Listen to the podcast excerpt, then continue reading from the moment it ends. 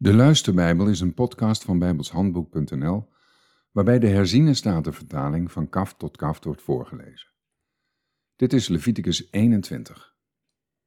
De Heere zei tegen Mozes, spreek tot de priesters, de zonen van Aaron, en zeg tegen hen, een priester mag zichzelf niet verontreinigen met een dode onder zijn volksgenoten, behalve met zijn naaste bloedverwant, met zijn moeder, met zijn vader, met zijn zoon, met zijn dochter, met zijn broer.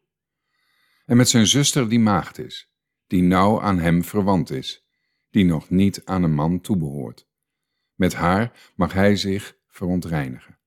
Hij mag zich als echtgenoot niet verontreinigen met zijn volksgenoten.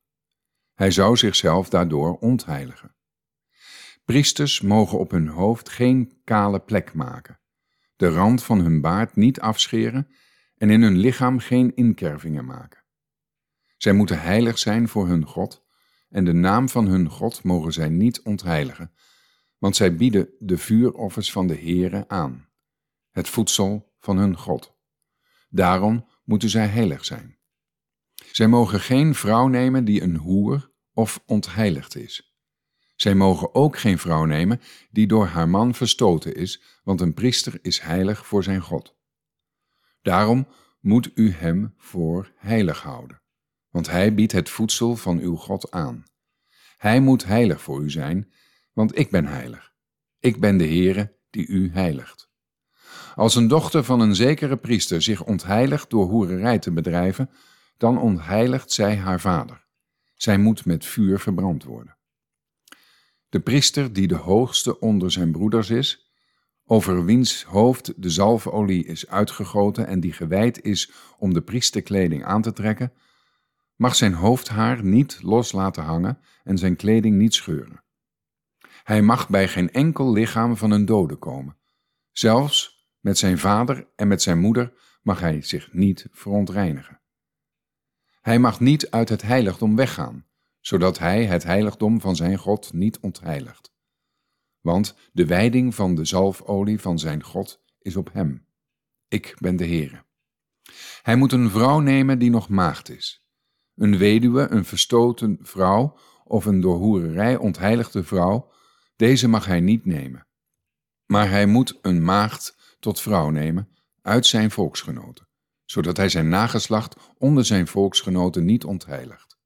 Voorzeker, ik ben de Heere die hem heiligt.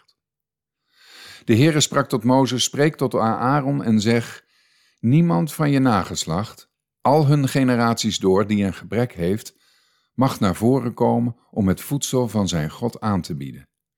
Voorzeker, geen enkele man die een gebrek heeft, mag naar voren komen, een blinde man of een verlamde man, of iemand met een misvormd gezicht of te lange ledematen, of iemand die een vergroeide breuk in zijn voet of een vergroeide breuk in zijn hand heeft.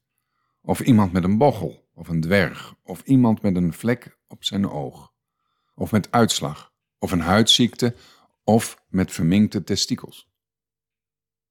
Geen enkele man uit het nageslacht van de priester Aaron met een gebrek mag naderbij komen om de vuuroffers van de Heere aan te bieden. Hij heeft een gebrek, daarom mag hij niet naderbij komen om het voedsel van zijn God aan te bieden. Hij mag wel het voedsel van zijn God eten, zowel van de Allerheiligste als van de heilige offergave.